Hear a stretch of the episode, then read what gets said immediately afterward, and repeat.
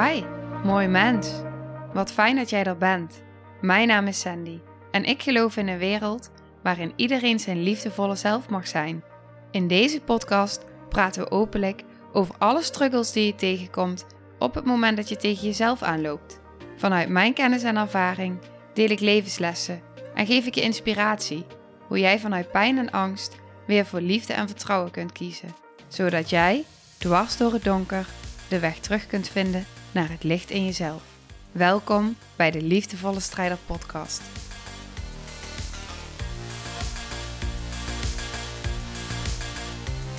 Hey, hallo, dag lieve jij.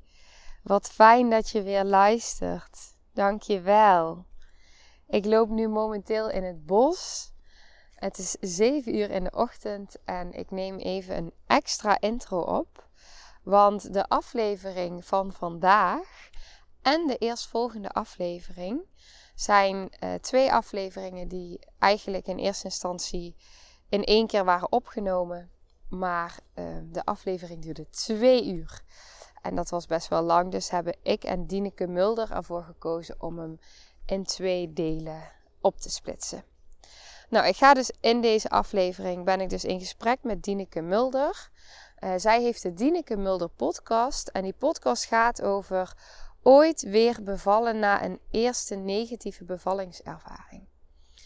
En in deze podcast, in deze afleveringen, zijn wij in gesprek over allerlei thema's uh, die te maken hebben met tegen jezelf aanlopen, vastlopen, schuld, uh, dader, schuldig voelen, eigenaarschap, verantwoordelijkheid nemen. We hebben het onder andere ook over onze bevallingservaringen en hoe die dan weer herleiden naar de kindertijd. Um, er, komen echt, uh, er komt heel veel voorbij. De ziel, reïncarnatie, luisteren naar jezelf, fysieke klachten, wat dat ook weer um, ja, dat die veroorzaakt uh, kunnen worden door een disbalans in jezelf, reden zwangerschapsvergiftiging en dat alle antwoorden van binnen zitten. Nou, dit is eventjes uh, heel kort uh, waar deze aflevering over gaat en we geven voorbeelden ook naar aanleiding van, um, ik deel een stukje over mijn uh, niet aangeboren hersenletsel, de whiplash, de meerdere auto-ongelukken, hoe ik daar naar kijk. En vervolgens ook een stukje betreft dan onze, onze bevallingservaringen. Maar wat heel mooi is, is dat op het moment dat je hem ook luistert, want we gaan ook dieper in, namelijk op um, uh, bedding in jezelf voelen, veiligheid in jezelf voelen, echt durven geloven en vertrouwen op jezelf en de wijsheid van je lichaam en hoe dat dan gaat. En uh, alle gedachten die daaraan voorbij komen. En uh, dat zelfs al ben je volledig in tune, dat er dan toch weer iets kan zijn of gebeuren waardoor je je weer uit je kracht gehaald voelt. En daar gaan we veel dieper op in. Dus ook op het moment dat je niet zozeer iets met bevallingservaringen zelf hebt, weet ik zeker dat je heel veel uit deze podcast kan halen aan waarde. Oké, nou ik zou vooral zeggen, ga lekker luisteren. Geniet van de aflevering en ik ben heel benieuwd ja, wat deze aflevering met jou doet en in jou raakt.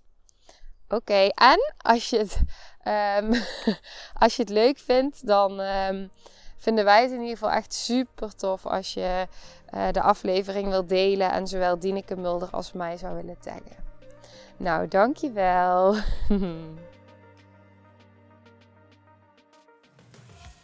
Yes. Lieve Sandy, we waren al Hallo. begonnen. En toen zeiden we, laten we maar gewoon lekker aanzetten. Dan gaan we gewoon beginnen met kletsen. Ja. Misschien is het wel leuk om even als inleiding te geven dat wij, wij kennen elkaar al een beetje. En um, jij kwam met het idee van, want je hebt ook je eigen podcast, om samen een podcast op te nemen. En dat vond ik een heel leuk plan.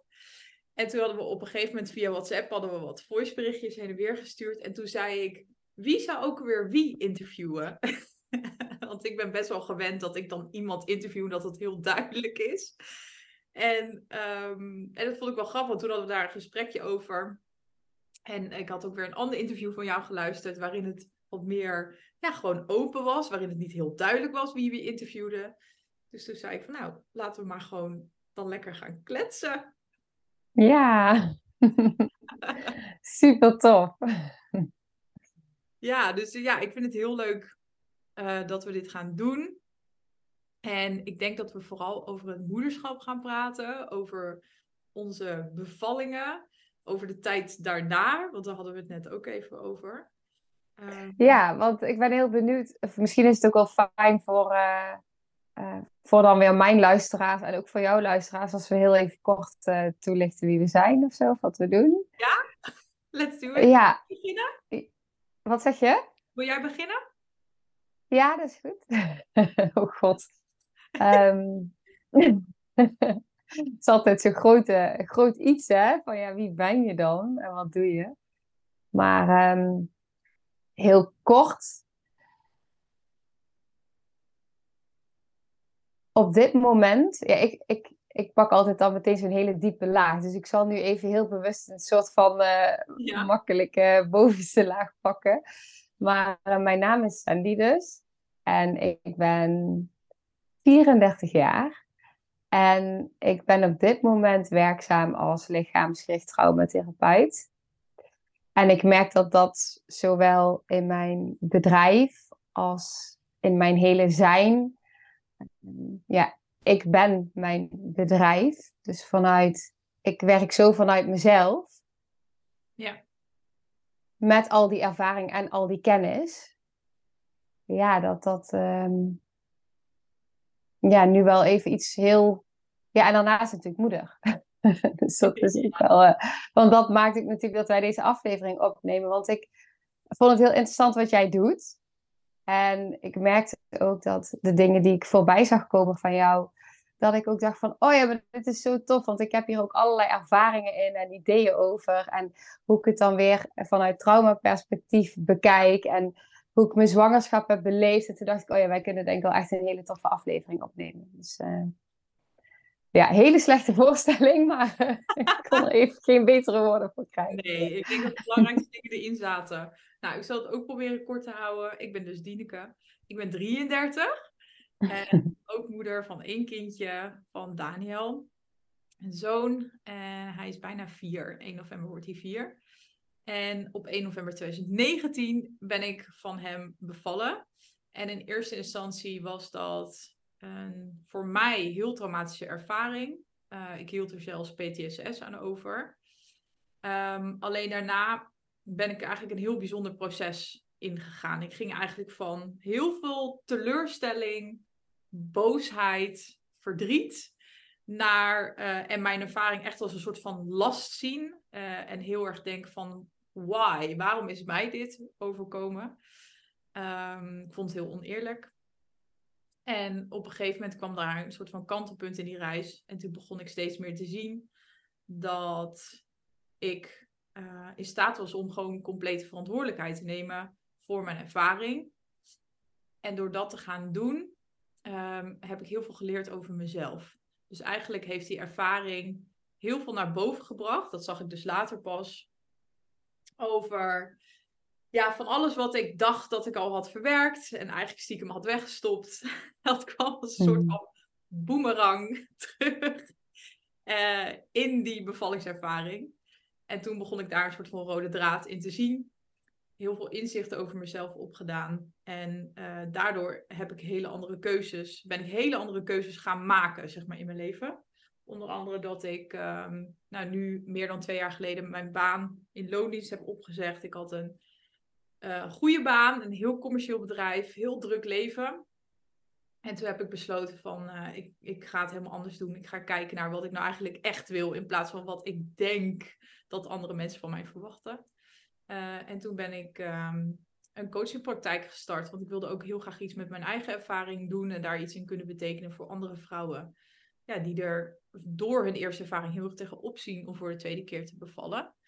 Um, ik denk uh, dat dat niet hoeft.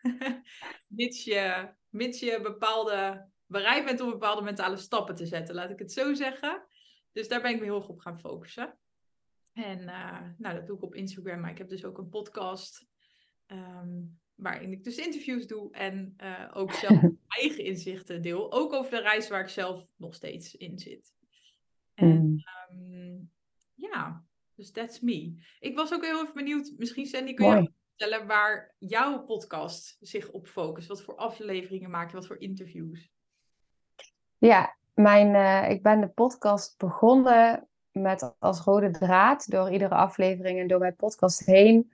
Um, is eigenlijk een vraag die ik me aan het begin stelde, die ik me vroeger zelf heel vaak heb gesteld. Van hoe kun je je pijn en angst omzetten in liefde en vertrouwen? En dat is zeg maar de, de rode draad. Dus hoe zet je pijn om in, in kracht? En ehm, ja, hoe. Het is vaak, ik heb zo tegen mezelf aangelopen in het leven, zo vastgelopen in mezelf.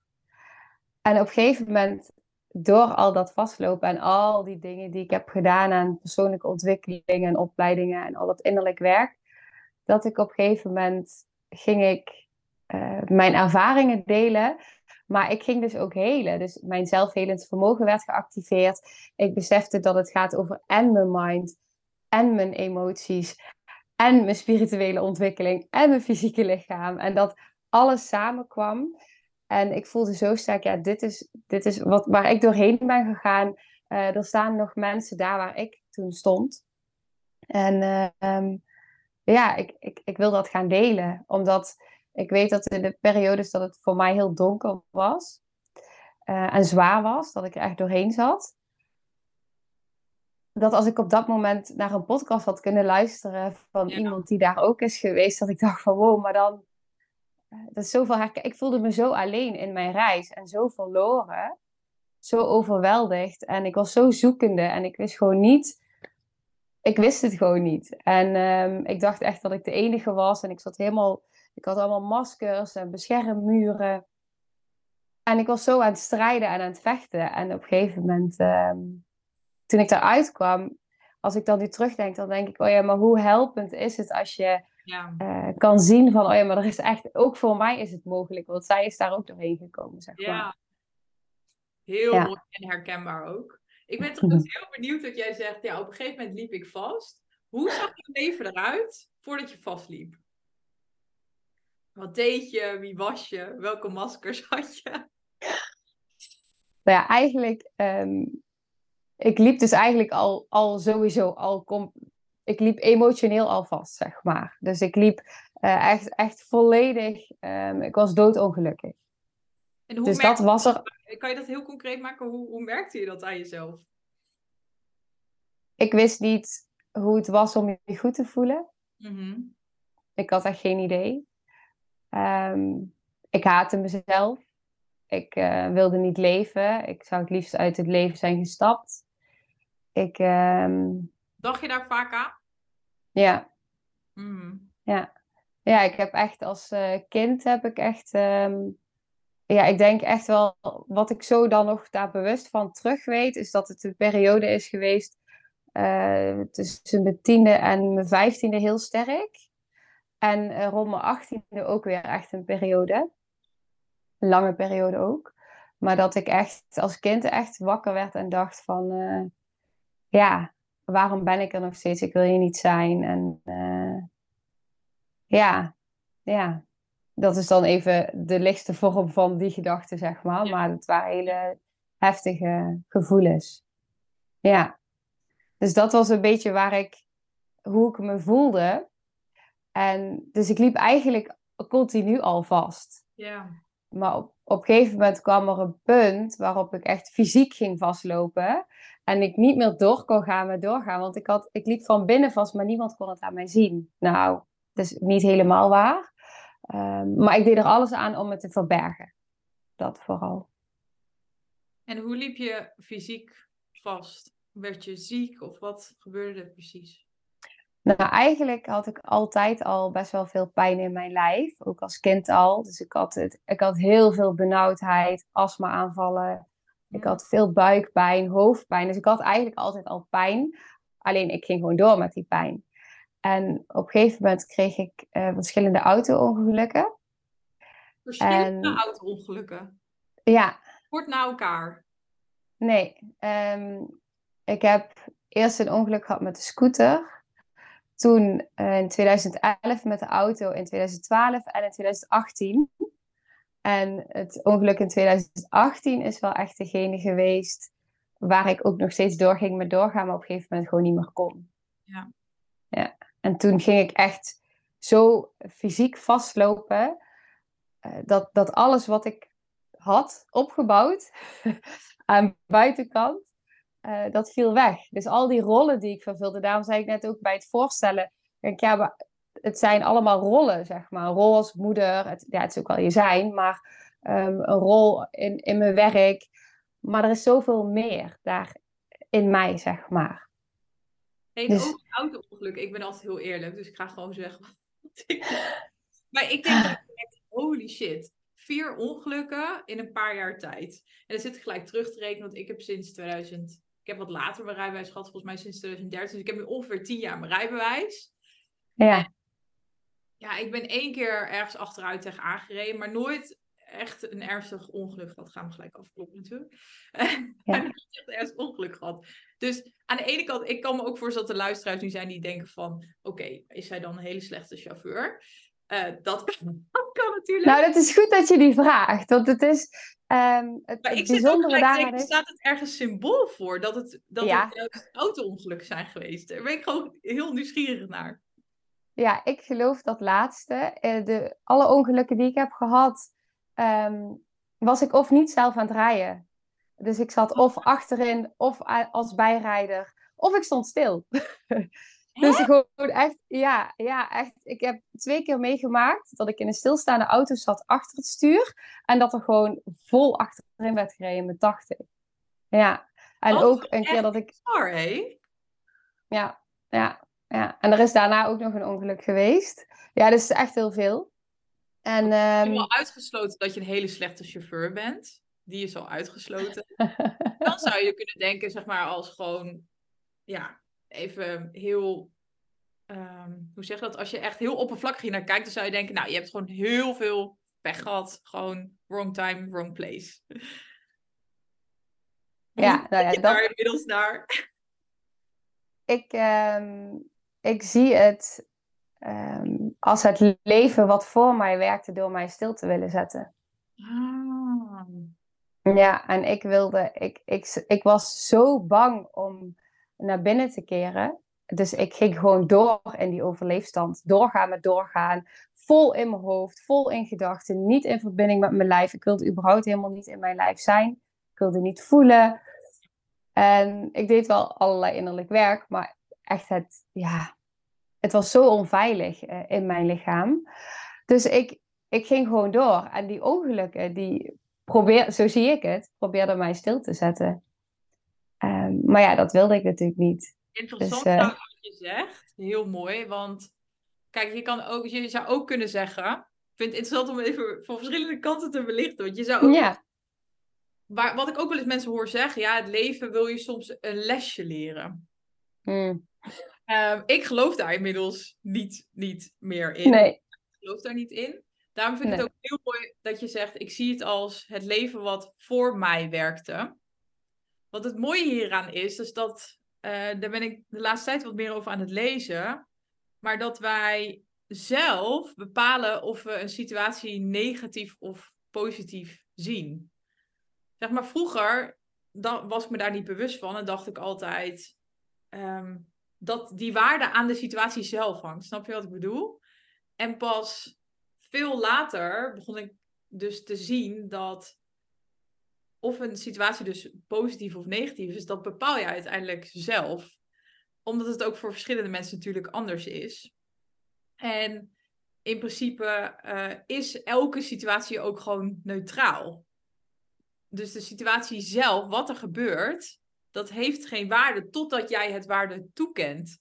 Dus dat vind ik super interessant. Dus daarom, daarom begon ik ook steeds hmm. meer te begrijpen dat het leven je geen lesjes leert door negatieve shit op je pad te brengen. Dingen die jij niet leuk vindt. Maar als je het inderdaad ziet, niet als iets negatiefs, wat echt niet makkelijk is hoor. Dat, ik vind dat ook nog steeds niet makkelijk. Maar je zou kunnen zeggen van, oh verschrikkelijk en die auto-ongelukken en vier keer meegemaakt. Maar als je het inderdaad als een, als een neutraal iets bekijkt, dan kan je het dus inderdaad zien als het leven wat voor je werkt en wat je eigenlijk helpt om je tot stilstand te brengen, tot vier keer toe. Ja, en dat is inderdaad hoe ik het nu kan zien. En ik heb natuurlijk ook echt wel gehad ehm, dat ik dat anders heb ervaren, want ik werd aangereden. En um, iemand anders was schuld. En um, ja, mijn leven stopte. Dus dat, um, ja, dan kun je ineens niet meer doen wat je altijd deed. Dus als je niet meer al je sociale activiteiten kan doen, je kan geen gesprek meer voeren, je ligt alleen maar in een donkere ruimte en ja, ja je weet niet of je ooit beter wordt, zeg maar. En artsen zeggen van niet. Ja. ja, dan is het wel even heavy, maar ik voelde zo'n diep weten ook van binnen. Maar, en dat is ook wat ik heel sterk voel, ook met inderdaad wat jij deelt, is dingen overkomen je, maar je hebt wel de keuze vervolgens. En ik vind ook de verantwoordelijkheid ja. hoe je daarmee omgaat. Ja. En je bent nooit schuld aan, tenminste zo zie ik het, je bent misschien geen schuld aan dat wat je overkomt. Maar ja, je hebt wel dus uiteindelijk in handen, uh, ga je er iets mee doen of niet? Hoe kijk je ernaar? Hoe ga je ermee om? En als, je het, als ik het bekijk ook vanuit trauma, ik denk op het moment dat jij iets meemaakt wat, uh, wat heel erg veel pijn doet, hetgene wat vooral het meest pijn doet, is als je vervolgens ook nog eens alleen bent met die pijn. Ja. En uh, ja, je eenzaam voelt en niet gezien. En ja, dat heeft veel meer impact. Ja, en ik zit ook na te denken, of waar ik de laatste tijd heel veel over een soort van filosofeer, is over het begrip, het concept schuld. Want dat heeft in mijn proces een hele grote rol gespeeld, zeg maar, door mijn bevalling. Wat ik heel erg deed was ehm, de schuld van dat mijn bevallingservaring voor mij traumatisch was, die legde ik heel erg neer bij ehm, het ziekenhuis, mijn verloskundige, later het geboortezorgsysteem, waar in mijn ogen van alles niet uh, aan deugde, zeg maar. Dus ik legde die schuld ehm, compleet buiten mezelf. Maar ik gaf ook een soort van mezelf de schuld. Dus er was ook een stuk van waarin ik heel erg zoiets had van ja, mijn lichaam heeft gewoon compleet gefaald. Ik ben blijkbaar heel slecht in bevallen. Uh, ik dacht ook, want ik heb, uh, ik ben ook eigenlijk meerdere keren in mijn leven vastgelopen, heb daar ook hulp voor gehad.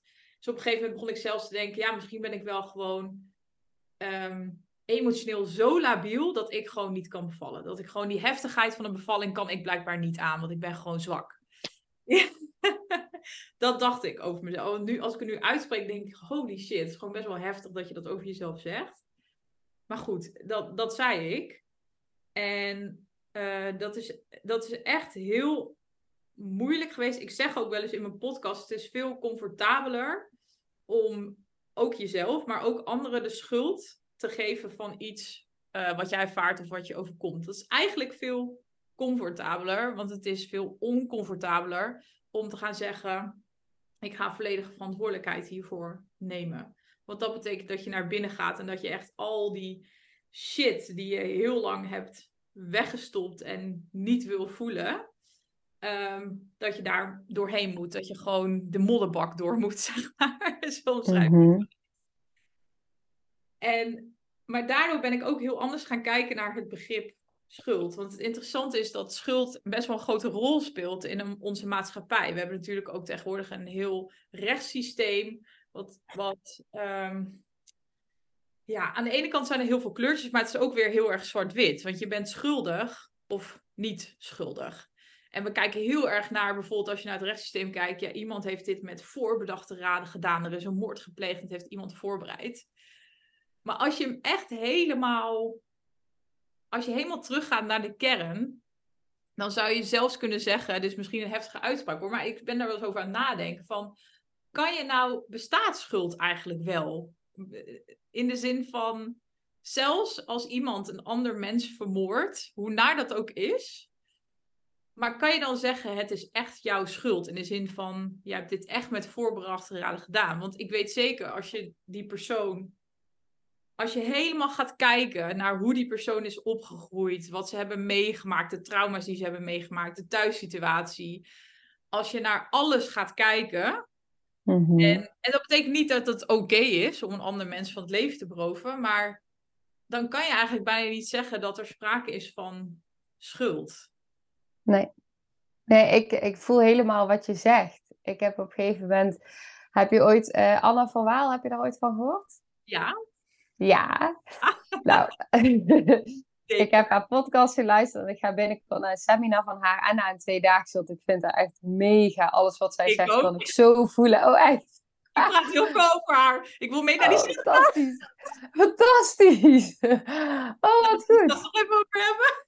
Ja. Nee, maar zij is de, eigenlijk de soort van aanstichter geweest van mijn, eh, mijn kantelpunt in mijn reis ook. Wat ik, hoe zij eh, naar bepaalde dingen kijkt. Ja, ja, en ik vind dat ook zo mooi, want ik, ehm, ik ben alles eh, op spiritueel niveau gaan kijken, op zielsniveau gaan kijken. En sinds ik dingen op zielsniveau bekijk, is het allemaal zo anders geworden. Omdat als ik het dan bekijk vanuit de ziel, dan zijn het allemaal ervaringen. En is er inderdaad schuld? Wat, ook al, wat Anne van Wel, het voorbeeld komt ook zo sterk in me op. Wat ze ook zei van als jij, er was op een gegeven moment een moordenaar, omdat jij net had ook over moord.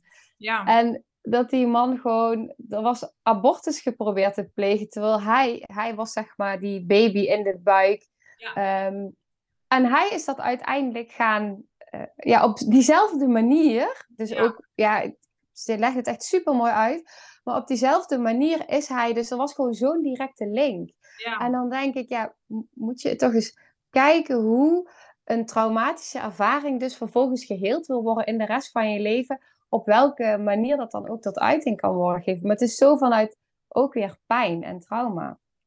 Ja, dus is daar dan schuld? Ja, ik vind, eh, ja, zoals ik het tegenwoordig bekijk, bekijk ik het ook niet meer zo. Nee, en ook weer, er zit ook weer een stukje in waar we het net over hadden. Als je in staat bent om alle ervaringen in plaats van positief of negatief, maar een soort van neutraal te bekijken. En eigenlijk dus terug te gaan naar jezelf. Dus wat maakt ehm, dat ik dit ervaar als iets traumatisch of iets negatiefs? En daar zitten hele mooie inzichten in. Ehm, als ik kijk naar mezelf. Ehm, maar dan, als je dat gaat doen, dan speelt schuld ook geen rol meer, zeg maar. Ja, en wat daar ook, wat daar natuurlijk een diepere laag in is, is dat die zit natuurlijk heel erg op de mind. Dus die kan daar een heel stuk in helen. En dat je er anders naar gaat kijken. Maar wat ik ook zie en wat ik zelf ook ervaar, is natuurlijk voor die, eh, nou ja, als je het hebt over je innerlijk kind, je, die kindstukken, ja, die ervaren dat vaak wel anders. En die zitten dan nog wel in een bepaalde pijn. En als die dan ook recht krijgen om gewoon echt puur vanuit alles wat daar zit aan pijn. En of dat dan schuld is, en schuldgevoel naar jezelf. En die ander heeft dit gedaan. Maar als dat ook ruimte krijgt, dan heb je die lagen ook samen. Ja, inderdaad. Ja. Ja. Hey, en om hem weer heel even terug te pakken naar jouw verhaal. Want jij had die ongelukken gehad. En Ja. op een gegeven moment zeiden de artsen tegen jou, je wordt niet meer beter. Je lag in een donkere kamer. Wat was de, wat was de diagnose die je had gekregen? Ik kreeg eh, de diagnose whiplash. En eh, die had ik dus in 2012 gehad en die kreeg ik in 2018 weer. En in 2012 werd al tegen mij gezegd: jouw cellen zijn kapot en die kunnen nooit meer herstellen. Nou, nu ben ik zoveel jaar verder en weet ik dat jouw cellen gewoon iedere zeven jaar, jouw hele lichaam is vernieuwd. En alle ziektes die je dus eigenlijk zou hebben, zouden na zeven jaar uit je lichaam horen te zijn. Maar omdat wij celgeheugen hebben, blijft hij die informatie afgeven, waardoor het zich steeds blijft herhalen. Als je naar dat celgeheugen gaat, energetisch ehm, en fysiek, dan kun je dat dus helen. En dat is dus het holistische werk. Dus ik ben dat zo anders gaan zien, maar de diagnose was een whiplash. En dat is dus ook wat ik dacht. Oké, mijn cellen zijn kapot. Ik heb een probleem in mijn nek. Ja. Ik heb veel hoofdpijn, veel spierspanning.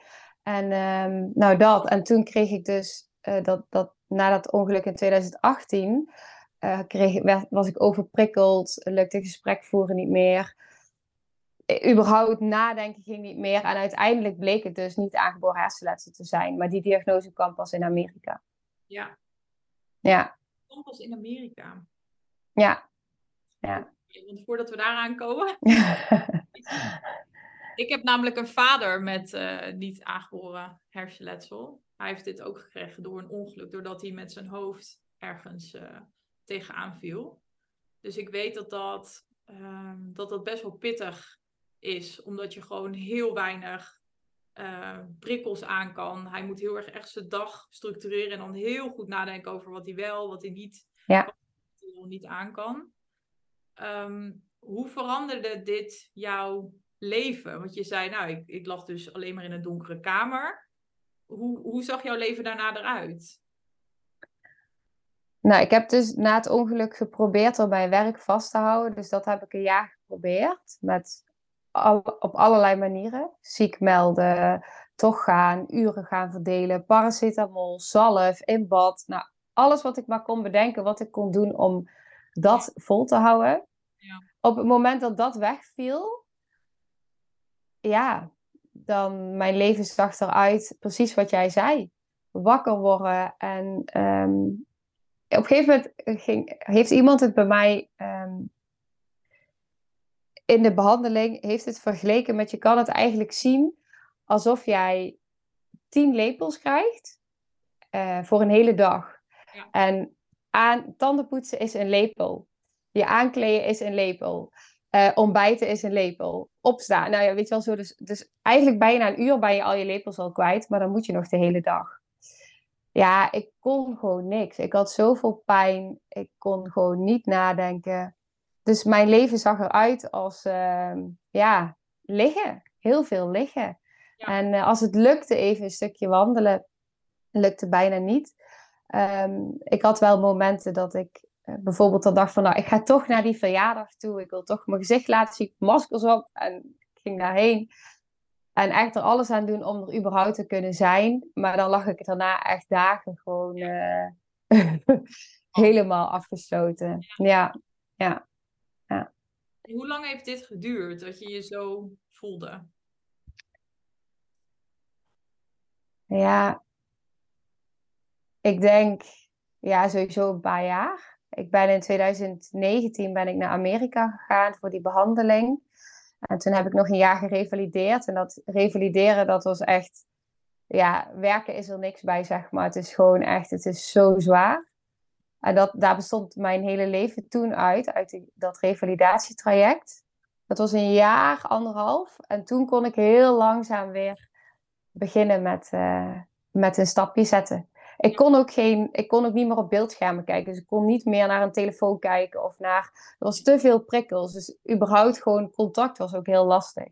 Ja. Ja. Al in een wereld waar iedereen alleen maar ongeveer met elkaar communiceert via schermpjes. Ja, ja. Lastig. Ja, want je wil zo graag contact, omdat je zo alleen bent. Ja. Maar het gaat gewoon niet. En dat was precies wat ik nodig had eigenlijk. Dat het gewoon, dat ik echt met mezelf was. Ja. En uiteindelijk kwam ik wel op een punt dat ik weer, uh, weer een podcast kon luisteren. En uh, ja, toen kwamen er fantastische dingen naar me toe. Dat, dat was echt ja, zo mooi. Dat, ik, dat alles wat ik nodig had, kwam gewoon naar mij toe. Wat mij ging helpen. Ja. En hoe, want, want over Amerika nog, hoe kwam jij bij die behandeling terecht? Hoe hoorde je daarover?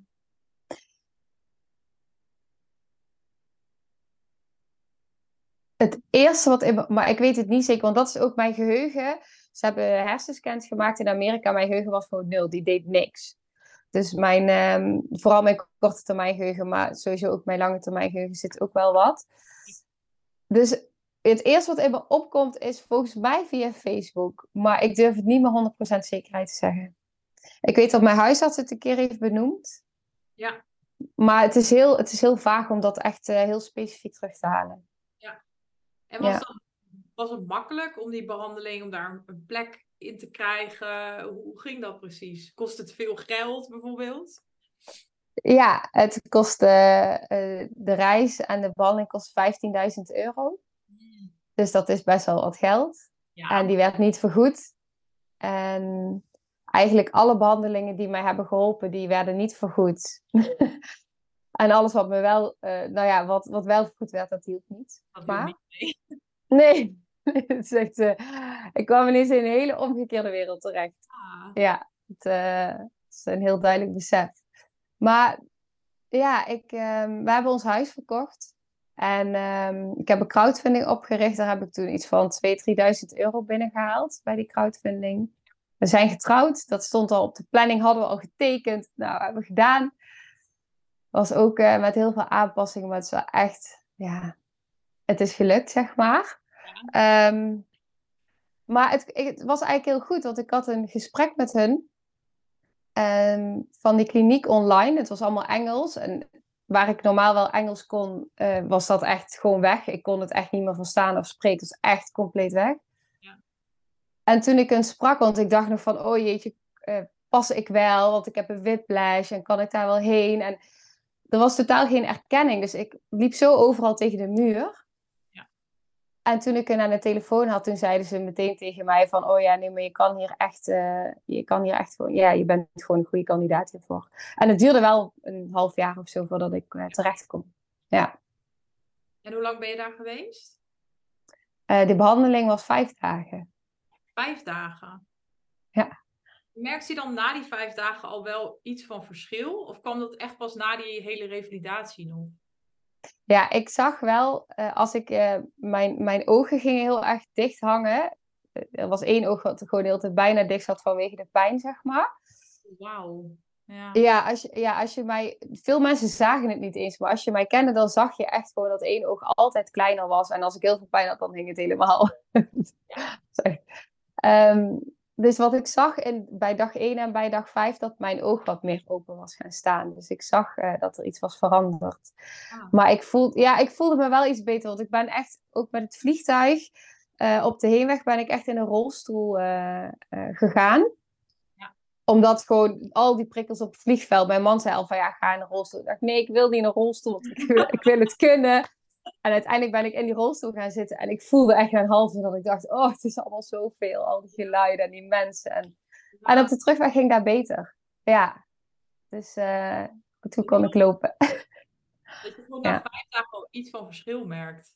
Ja, ja, ik heb wel echt, want toen ik, ik heb een week moeten bijkomen van de vlucht op de heenweg. Dus ik heb echt een week daar in bed gelegen voor de behandeling begon, om überhaupt eh, aan te komen van, eh, van die vliegtuigvlucht. Ja. begrijp ik ook wel. Want als je al gewoon heel, als je niet tegen prikkels kan en dan zit je zo lang in, opgesloten met superveel mensen, constant geluid. Natuurlijk geluid van het vliegtuig, maar ook van iedereen die aan het praten is en zo. De karretjes die voorbij komen. Dat is echt heel heftig volgens mij. Ja, ja, en het, mijn, er was ook heel veel, er waren echt problemen met mijn zicht ook. Dus eh, de optometrist zei uiteindelijk van, voor jou kost het gewoon zes keer meer moeite om überhaupt naar een pen te kijken, zeg Ja. maar. Laat staan om het dan nog te verwerken. En wat ik nu ook ineens bedenk, is dat na die behandeling hebben wij nog een week door Amerika gereisd. En dat ging wel met heel veel rusten en Ja. dat soort dingen. Maar het ging wel. Dus ja, dat voelde ik wel meteen. Ja, Dat is wel Ja. echt cool, toch? Dat je dat ja. Dan hebt kunnen doen met aanpassingen, maar wel gewoon hebt kunnen doen. Ja, en met minder pijn, zeg maar. Dus dat, eh, ja, en toen ging het gewoon doorwerken. Ja. En toen kwam je Ja. terug in Nederland Ja, op de intensieve revalidatie. ja, ja, zeker. Ja, dus dat was een. eh, en toen kon ik mijn leven weer gaan opbouwen. Dus het was in eerste instantie heel erg fysiek. Dus fysiek eh, bewust met mijn ademhaling eh, meer gaan. eh, ik weet nog dat ik de opdracht kreeg van: oh, ga maar eens een kwartier. Een kwartier per dag bewust ademhalen. Dat ik echt dacht: hoezo moet ik een kwartier per dag ademhalen? Ik snapte daar helemaal niks van. En uiteindelijk ging ik dus voelen wat dat dus met mijn lichaam ging doen. En andere voeding. Ja, zoveel eh, al, al fysiek wat. Het is natuurlijk één systeem. En dat was de eerste kickstart, zeg maar. Om vervolgens al die andere dingen die eh, daarbij horen. Ja. Ja. Ehm, voordat jij. Heel veel onderhand mijn vriend wegdrukken op de telefoon. maar voordat jij ehm, dus naar. hey, wacht. Heel even tussendoor. doen, want daar gaat iets uit wat ik. Oh jee. of dat nu kwam doordat mijn telefoon ging. Heel gek. Hmm. Ja, we zijn er weer. Ehm, maar voordat jij dit. Uh... Oh, ik zie al wat er aan de hand is. Oké, okay, never mind. Gaat goed? ja. We gaan even schakelen. Maar voordat jij um, dus hiermee bezig ging, dus de revalidatie inging, en dus ook met, met dat bewust ademen, andere voeding. Had, jij, had je daarvoor iets, was je dus met aanraking gewoon met spiritualiteit of dus lichaamswerk, dus uh, je, je, ademhaling, uh, gezonde voeding? Hoe was dat altijd daarvoor? Ik had een lactose-intolerantie. En dus ik, ik at wel al, ik was wel al iets meer bewust van mijn voeding. Maar op het moment, uh, ik was pas echt toen ben ik me er echt in gaan duiken, zeg maar. Omdat ik, ik had een, een eetstoornis ook. Dus ik had echt heel veel, uh, er zat heel veel controle op uh, voeding bij mij.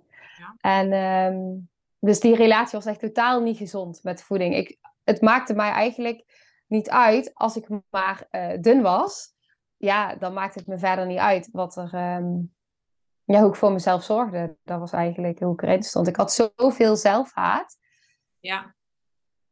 Ja, en ik, ja, ik was best wel destructief voor mezelf. Dus nee, ik was echt niet. Uh, ik wilde echt heel graag meer zelfliefde. Um, ik was altijd wel bezig met, met therapie en dat soort dingen. Ja. Maar het is echt niet te vergelijken. Het, is, um, het, het was vechtend tegen mezelf. Mm-hmm. Dus ook in de therapie lag de aandacht heel erg op, oh je moet je gedrag veranderen. En dan dacht ik, oh ja, ik moet mijn gedrag veranderen. Ik moet dit niet meer doen en ik wil dit niet meer. En ik wil niet meer drank en drugs en ik wil niet meer roken en ik wil niet meer mezelf. Nou ja, allemaal dat soort dingen. Ja. Maar het is allemaal een gevecht, zeg maar. Dus alles was een gevecht. Ja. ja, ja. En, en... Wat je zeggen? Ja, ook heel herkenbaar. Ook wat je zegt over dat eten. En um, heel destructief eigenlijk. Ja. Ja. Ja, dat was het. Want weet je ook waar dat vandaan kwam? Dat je zo bezig was met... Um, dat je, want het ging vooral omdat je gewoon... Um, dat het belangrijk was voor jou om, om dus dun te zijn, om slank te zijn. Ja, eigenlijk wat daaronder zit is dat ik um, zo min mogelijk ruimte wilde innemen. Ja. ja. En ik had eerst, er was een periode geweest dat ik heel veel ben aangekomen. Uh, toen was ik een jaar of 14, 15. Toen was ik echt uh, eh, 25 kilo zwaarder. En dat was echt beschermen. Ja. dus dat was echt. Uh, en toen op een gegeven moment kreeg ik daar opmerkingen over van de huisarts. Echt ongevraagd gewoon opmerkingen die, die zo diep binnenkwamen bij mij. En andere mensen ook die daar opmerkingen over gingen maken. En ja, toen wilde ik gewoon, uh, ja, toen, toen kwam er een switch. Dus toen besefte ik ineens van, oh, maar ik ben dus dik. En toen moest ik uh, dun worden. En hoe dunner ik werd, hoe dunner ik wilde zijn. En ja, nu met alles wat ik nu weet, was het gewoon. Um, ja, een van die dingen was. Ik wilde ook leeg zijn van. Je klinkt misschien heel gek, maar ik wilde leeg zijn van binnen of zo. Dus als ik het gevoel had dat er uh, te veel in mijn lijf zat, dan voelde ik me ook. Ik voelde me al zo overweldigd, alsof het dan. Ja, heel gek uitleggen, maar het was, um, het was allemaal te veel. En eten daarbij was. Ja, het is ook hoe het werkte met mijn uh, met mijn spijsvertering en de nervus vagus. Maar ik zat zo in die overleefstand. Ja. Dus er zijn wel meerdere facetten, zeg maar, die daarin uh, samenwerken. Ja. ja. Het is wel interessant wat je zegt. Want um, ik denk dat we heel vaak dus alleen maar focussen op iemand is dik of iemand is dun. En daar, daar, dat is dan niet goed. En daar moet je dan iets mee of zo. En dat, dat kijken we dan heel, ja, heel medisch, heel oppervlakkig. Terwijl dat uh, gewicht, ook wat jij zegt van um, eerst dat je zwaarder was, dat het een soort van beschermlaag uh, was. Maar ook wat je net zei over dat leeg zijn van binnen en zo. Het staat natuurlijk overal. Ja, ik vind dat zo interessant dat het eigenlijk overal weer ergens weer symbool voor staat. Ja, zeker. Ja, en het was ook controle, want ik had het gevoel, want die was er ook, dus ik had continu het gevoel dat ik nergens controle over had in mijn, in mijn leven. En ik had wel controle over uh, wat ik at. Ja. Dus ik controleerde het ook echt. Ik had zo'n calorieënteller. En ik controleerde uh, iedere hap, die schreef ik op, zeg maar, in mijn teller. Dus ik hoefde maar zo'n mini hapje van en ik moest het opschrijven. Dus het was echt dwangmatig ook. Ja. Ja. Ja, precies, ja. Ja. Ja, dus, mijn, dus, dus ik was gewoon daarin, ja, wat ik al zei, zo vast. Ik liep zo vast in mezelf. En op een gegeven moment voelde ik dus, doordat al die dingen wegvielen en dat ik in dat donker lag met mezelf, uh, ja, dat ik voelde, ja, maar wow, ik wil een andere beweging maken. Ik wil echt van mezelf gaan houden. Want dit is niet meer oké. Ja. Heel mooi. ja. En toen, uh, want als we weer even teruggaan, dus je had een heel jaar waarin je revalideerde. Maar je zei ook dat je steeds meer podcast ging luisteren, dat je, dat je gewoon ja, nieuwe, nieuwe dingen leerde, denk ik. Ja, ja, en op een gegeven moment ook, want ik weet nog dat ik op een gegeven moment iets voorbij zag komen van Mirjam Hegger over podcast leren maken. Ja. En dat was in 2020. Ja. Dus dat was in, in mijn revalidatie. Ja. Nee, en dat kwam voorbij en toen dacht ik, ik voelde het gewoon. Ik voelde, dit moet ik doen. En alles in mij zei, mijn mind zei, nee, dat kun je helemaal niet. Ik kan niet op een scherm kijken. Maar ik dacht, ik voelde het zo sterk. Ik dacht, dan doe ik er maar maanden over. Ik heb er uiteindelijk bijna vier maanden over gedaan voordat ik de podcast echt, uh, ja, de eerste aflevering online zette. Maar ik dacht, dan doe ik maar iedere dag een stapje. Dan kijk ik maar vijf minuten of dan, en uiteindelijk dan, dan, dan heb ik iets. En dat is dus ook gelukt. Dus het was echt wel, maar mijn mind zei, het kan niet. ja. Maar je hebt het toch gedaan. En toen ben je weer dus over je eigen proces gaan delen. Ja. Mhm. Ja. Ja. En kwamen er ook al snel reacties op? Hoe ging dat? Ja, eigenlijk meteen. Ja, ik kreeg meteen reacties. En wat wel... Ehm, ik heb het mezelf zo moeilijk gemaakt. Als ik terug... Oh, ik ging alles uitschrijven, want het moest perfect zijn en uh, oplezen. Dus ik had het uitgeschreven en dan ging ik het zeg maar oplezen, maar wel in mijn eigen. En de eerste aflevering heb ik ook drie keer opnieuw opgenomen. Dus ik vond het echt, het was allemaal, ja, het was zo spannend. En uh, ja, ja, dus dat is echt wel een reis geweest ook in, tot nu. Ja. ja, dat kan ik me wel voorstellen, ja. Hoe is dat bij jou, hè? Hoe is dat bij jou? Nou, Um, ik heb mezelf niet heel moeilijk gemaakt, maar ik had ook wel, net als jij, heel veel belemmerende overtuigingen. En ik doe het nu ook veel simpeler trouwens dan in het begin. Dus in het begin had ik echt uh, hele lange beschrijvingen. Ik had een hele, um, hoe zeg dat ook weer, zo'n hele intro met een muziekje. En die had ik dan ingesproken en dan ging ik dat nog een keer doen. En ja, ik denk dat ik mezelf ook best wel moeilijk heb gemaakt in het begin. En nu is het echt, nu heb ik het veel simpeler gemaakt. Ik heb gewoon de, de drempel om een podcast op te nemen gewoon veel lager gelegd.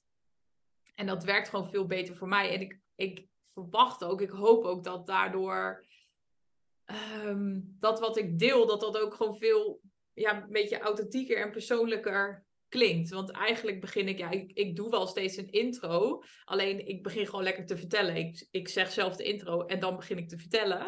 en ik steek hmm. dan een paar steekwoorden van tevoren op. Een beetje de grote lijn. Want ik ben wel echt een prater. Dus als ik dat niet doe, dan, ja, dan drijf ik echt af, zeg maar. Dan ga ik de hele tijd neem ik weer zijstapjes. Oh, ja. ja. dat helpt wel. Maar ja, that's it. Het is echt heel simpel. Ja, mooi. ja, ik moet ook altijd met dit soort dingen, als je het dan ook hebt over het moederschap. Maar ik vind het zo inspirerend ook als ik kijk naar mijn zoontje. Ja. Want als je het dan hebt over dat je dan dus een bepaalde stap gaat zetten, en dat lijkt dan allemaal zo spannend. En in ons hoofd maken we het dan allemaal zo groot. En als ik dan kijk naar mijn zoontje, die gewoon zo in het vertrouwen, die gaat gewoon. Ja. En dan valt hij, en dan staat hij weer op, en dan valt hij weer, en dan heeft hij een blauwe plek, en dan staat hij weer op. Zo vol vertrouwen, dat ik denk, ja, maar dit is het. Ja.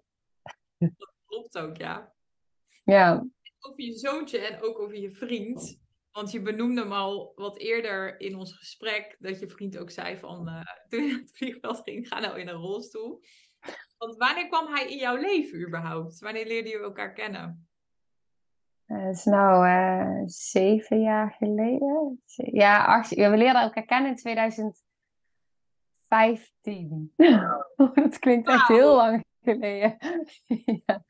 ja. ja. Hij heeft dus ook heel veel van jouw reis meegemaakt. Ook toen je dus vastliep en uh, met de ongelukken en dergelijke. Ja, ja, ja, zeker. Ja.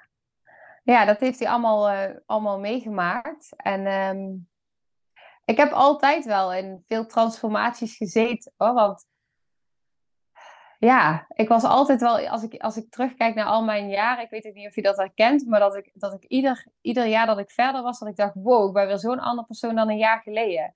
Ook met, met al die, ondanks dat ik dan destructieve, het werd steeds alsof het steeds minder werd. Dus er kwam steeds meer gezondheid. En dat werd steeds, en daar zat ik wel al jaren in. Dus het is ook wel echt een, alleen na dat ongeluk is het uiteindelijk gewoon in zo'n stroomversnelling gegaan of zo. Ja. ja. Want nu, dit is natuurlijk ook Um, ja, het is zo en-en ook. Daarin. Ja, en ook wat je zegt over die stroomversnelling.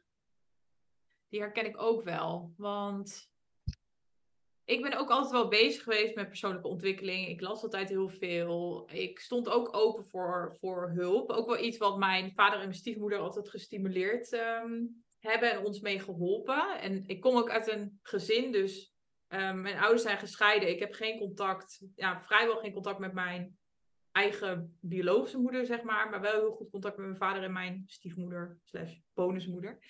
Um, en uh, zij, hebben, zij, zij praten altijd heel open over alles. Dus ik kom wat dat betreft in dat gezin heel erg uit een gezin waarin dus alles wordt, wordt besproken. En dat is heel fijn.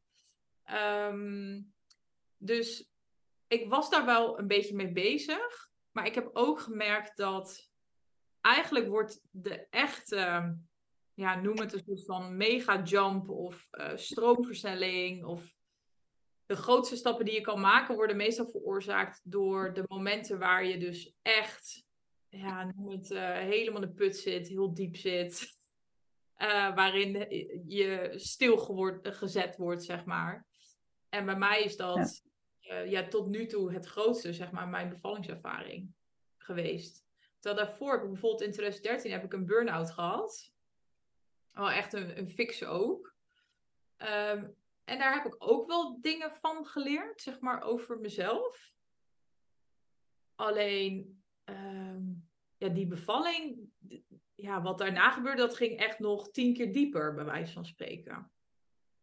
Mm want hoe lang heb je al geen contact met je moeder? Uh, even kijken hoor. Volgens mij nu sinds mijn vijftiende.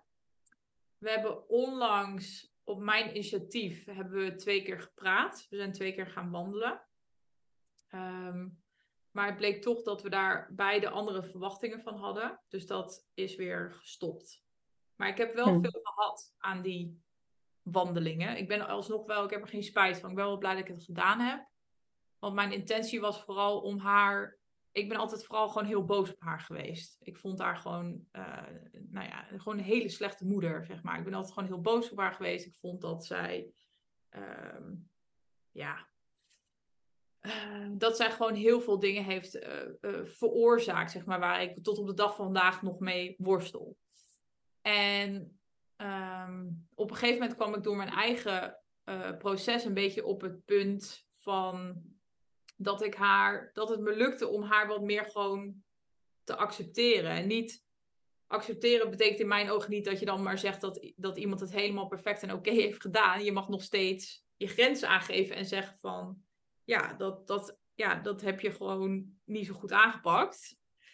Uh, ik vind dat dat ook nog steeds mag. Maar het, begon, het, het, lukte me steeds meer om gewoon haar ook um, ja, gewoon aan te nemen voor wie ze is. En meer te zien dat hoe zij, um, uh, hoe zij het moederschap heeft ingevuld, dat dat ook weer komt uit ja, hoe zij is opgegroeid, zeg maar, weer vanuit haar ouders. En daardoor um, had ik een beetje de wens om haar wel weer te gaan spreken. Maar niet zozeer om weer een relatie op te bouwen, maar meer om gewoon uh, haar vragen te kunnen stellen. En uh, begrip voor haar te krijgen en daarmee ook voor mezelf. Want dat zag ik heel erg. Dat ik begon op een gegeven moment te zien dat hoe meer ik haar afwijs, hoe meer ik ook ehm, stukken in mezelf eigenlijk afwijs. Want ik ben hoe dan ook onderdeel van haar, of ik dat nou wil of niet. Dat zijn gewoon de, ja, noem het de wetten van het familiesysteem. Mm Ja. Denk ik. Ja. ja, dat is zeker zo. Ja, absoluut. En hoe was dat dan uh, na je bevalling? Want je deelde al dat, je, ja, dat het na je bevalling in een stroomversnelling ging. En voor mij voelt het bijna alsof al die, die trauma's die op hele diepe lagen al zaten, alsof die even allemaal uh, uh, ja, opengebroken werden of zo. Hoe, hoe ging dat? Hoe zag dat eruit? Ja, ik denk precies dat. Want um, ja, ik, ik, kende mezelf al best wel goed. En ik was ook wel eerder in mijn leven, dus ook na die burn-out, dat ik vastliep en in therapie geweest. Maar eigenlijk als ik er nu op terugkijk, is dat. Um, ja, wat, wat ik zelf. Ik geef ook webinars. En uh, wat ik altijd in mijn webinars gebruik, is dus een quote van Anna Verwaal. Die heel veel heeft gedaan. Want op een gegeven moment luister ik dus een, uh, een podcast interview van haar waarin zij uh, vertelde over haar tijd als doula in Amerikaanse ziekenhuizen. En dat mhm. was heel bijzonder, want zij vertelde dat ze ja, ook bij bevallingen uh, aanwezig is geweest, die door achteraf als vrouwen als, als heel traumatisch uh, werden ervaren. Niet zozeer omdat zij, zij geen feitpersoon was, maar meer dan had het bijvoorbeeld met de gynaecoloog of, of de verloskundige te maken. en dat observeerde zij natuurlijk. Maar zij zei, uh, ze zei we, we zijn er altijd van overtuigd dat het dan de schuld is dus van de zorgverlener of van het ziekenhuis of het geboortezorgsysteem. Maar ze zei hoe ik er naar kijk is dat als jouw bevalling niet is gegaan zoals jij wilde dat die ging, dan is er een onbewust stuk in jou wat nog uh, gezien wilde worden. Mhm. En toen ik dit voor het eerst hoorde, want uh, daarvoor, ik was al heel nieuwsgierig, ik was heel veel onderzoek gaan doen. Maar toen ik dit hoorde, dacht ik echt, kwam heel veel weerstand in eerste instantie. Want dat, dat klopte totaal niet met wat ik voelde. Ik was vooral gefocust op wat er allemaal mis was, zeg maar. Wat anderen allemaal verkeerd hadden gedaan. En ik vond dat ze. Uh, nou, ik wilde heel graag thuis bevallen. En uh, mijn vliezen braken, spontaan. En het eerste wat mijn eerste lijnsverloskundige zei is... Uh, ja, er zitten risico's aan vast en dan moet je naar het ziekenhuis. En ja, ik heb gewoon blind gevolgd uh, wat zij heeft gezegd. Dus in eerste instantie was ik heel boos op haar. Want ik dacht, ja, waarom heb je niet tegen mij gezegd dat ik gewoon een eigen keuze heb? Dat ik gewoon zelf mag kiezen. Dat ik niet naar jou hoef te luisteren. Daar was ik helemaal mee bezig. Ik vond echt ja, dat, zij, dat zij mij niet goed had um, begeleid en, en voorgelicht, zeg maar. Dus ik was helemaal daarop gefocust. Dus toen, toen Anna Verwaal dit in zo'n interview zei, toen dacht ik eerst van ja, wat zeg jij nou? Weet je Hoe kan je dat nou zeggen? En ook als je dit voor het eerst hoort, ik dacht ook ja, eh, maar zeg je nou dat het mijn schuld is dat het zo is gegaan? Mm. Dus dat is eerst heel veel weerstand. En, maar het bleef toch hangen. Dus toen ging ik daarmee aan de slag. En toen werd eigenlijk Ehm, toen kwam ik eigenlijk in een soort van nieuwe fase terecht, waarin ik mezelf de vraag ging stellen: wat zegt mijn bevallingservaring nou eigenlijk over mij? Dus helemaal de energie en de focus um, terug ging pakken naar mezelf. Dus eigenlijk eigenaarschap begon te nemen voor mijn ervaring. En mijn hoofdthema tijdens mijn bevalling, waarom het voor mij zo traumatisch was, is omdat ik me niet gezien voelde. Alleen ik was ervan overtuigd dat om je gezien te voelen, daar heb je andere mensen voor nodig. Dat is de voorwaarde. Die moeten jou zien. En dan voel je je gezien. Mhm. En toen kwam ik in die, toen kwam ik in dat stukje eigenaarschap. En toen ben ik dus helemaal gaan onderzoeken. Ja, waarom? Wat maakte nou dat ik mij niet uh, gezien voelde? En toen kwam ik er eigenlijk achter dat dat een thema is wat als een rode draad door mijn leven loopt. Ik zag namelijk mijn bevallingservaring als een soort van losstaand iets, iets wat mij was overkomen. Ik had gewoon heel veel pech gehad. Maar toen begon ik te zien dat het ehm, heel veel connecties heeft met andere dingen die ik in mijn leven heb meegemaakt. En als je dan steeds meer verder teruggaat, dus als je die draad letterlijk, het is een rode draad. Dus als jij die rode draad letterlijk volgt en blijft volgen en ik zit nu op video, zit ik echt zo het gebaar dat je het touw vast hebt, maar heel visueel. Dus ik stel me dan echt zo voor dat je dan dat touw vastpakt en dat je zo stukje voor stukje steeds verder dat touw gaat volgen en dan kom je gewoon dingen tegen. En toen kwam ik opeens uit op mijn burn-out. En wat heel grappig is, vind ik, ik kan er nu heel erg om lachen. Ehm, maar toen kwam ik erachter, toen zat ik daar weer eens aan terug te denken. En vlak voordat ik in die burn-out raakte, ik wist al, dit gaat niet goed met mij. Zeg maar, dat, dat voel je wel. Maar ik was aan het wachten tot mijn manager zou zeggen. En daar was ik ook heel gefrustreerd over. Ik zat alleen maar te denken: waarom ziet niemand dat het zo slecht mhm. met mij gaat? En dat zei ik dan ook tegen vriendinnen: van ja, het gaat wel heel slecht, maar mijn manager die ziet dat niet. En zo stond ik erin. Ik was echt aan het wachten tot mijn manager naar mij toe zou komen en zou zeggen: gaat het wel goed met jou? Moet je niet wat rustiger aandoen? En, en zo stond ik gewoon, ja, zo stond ik in het leven. Dus nou, dat kwam ik tegen op mijn draad. En dan ging ik ging steeds verder terug en terug en terug. En nou, er zat nog meer tussen in, maar anders wordt het echt een heel lang verhaal. Maar uiteindelijk kom je dan uit op je kindertijd. Uiteindelijk kom je dan uit op de eerste zeven jaar van je leven. En dan ga je dus kijken van waar komt dat gevoel nou vandaan? Ehm, en ja, dat is waarschijnlijk heel erg vanuit uh, dus mijn relatie met mijn moeder. Ik, uh, ik ben, ja, de hechting tussen mij en mijn moeder is gewoon echt niet goed gegaan, weet ik inmiddels. En... Weet je ook welke, hechting je, welke hechtingspatroon je hebt? Nee, dat weet ik niet zo goed. Oké.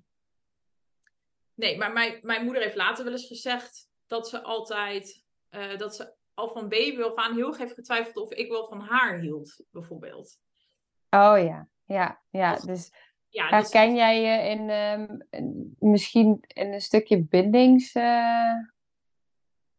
Ja, bindingsangst? Um... Meer richting vermijdende hechting, zeg maar. Ja, ja, maakt het niet zoveel. Ja. Ja, ja, ja, daar ken ik me wel in. En ik ben heel erg van, uh, als, als het uh, niet goed met mij gaat, dan gaan mhm. alle luiken dicht. En dan keer ik helemaal naar binnen. En ik ben heel erg, mijn overtuiging is echt, ik moet alles zelf doen. Dat is de overtuiging eigenlijk die ik uh, vanuit mijn hele vroege kindertijd, die is geïnstalleerd zeg maar in mijn systeem. Ik moet alles zelf doen. En dat, dat doe ik ook, letterlijk. Mm-hmm. ik ben daar bewust van. Um, maar, maar zo ver gaat dat dus terug. Um, En zo zie ik dus een bevallingservaring inmiddels ook. Dat als je bereid bent om dus echt die stukken te gaan aankijken. Want die, die patronen die je eigenlijk niet meer dienen, wel als kind heel erg gediend hebben. Daarom is het ook niet alleen maar, het is niet alleen maar verkeerd, zeg maar, dat je die hebt. Alleen je wil ze wat meer een balans krijgen. Maar die patronen, die blijven zich herhalen op, in verschillende gedaantes, verschillende situaties. Ja. Totdat jij er iets mee gaat doen. Alleen op het moment dat je je heel erg slachtoffer blijft voelen. Dat, ze, dat vond ik ook mooi, wat Anne Verwaal ook in dat interview zei. Ze zei, ja, als je slachtoffer bent, ja, dan ga je niet opschieten met bewustwording. Want daar heb je niks aan. Nee, want het ligt aan de ander. Ja, het ligt aan ja. de ander. Ja, precies. Je pakt niet die verantwoordelijkheid. Ja, ja. Zeker. Mooi. Nou, lieve mensen, ontzettend bedankt voor het luisteren. Ik ben heel benieuwd wat je van de aflevering vond en welk inzicht je eruit hebt gehaald. Mocht je nog vragen hebben of is er een onderwerp waar je meer over wilt weten, laat het me dan weten. En wie weet neem ik het mee in een van de volgende afleveringen. Als je het leuk vindt, kun je de aflevering delen. Of maak een screenshot en tag me op Instagram. Want ik vind het echt super tof om te zien wie er luistert. De link van mijn Instagram staat in de beschrijving bij de podcast. En wil je blijvend geïnspireerd worden? Klik dan op abonneer of volgen in de podcast-app waarmee je luistert. Dat zouden ik en alle toekomstige luisteraars enorm waarderen, want dat zorgt er namelijk voor dat de podcast beter gevonden wordt. Nogmaals, dankjewel voor het luisteren en heel graag tot de volgende aflevering.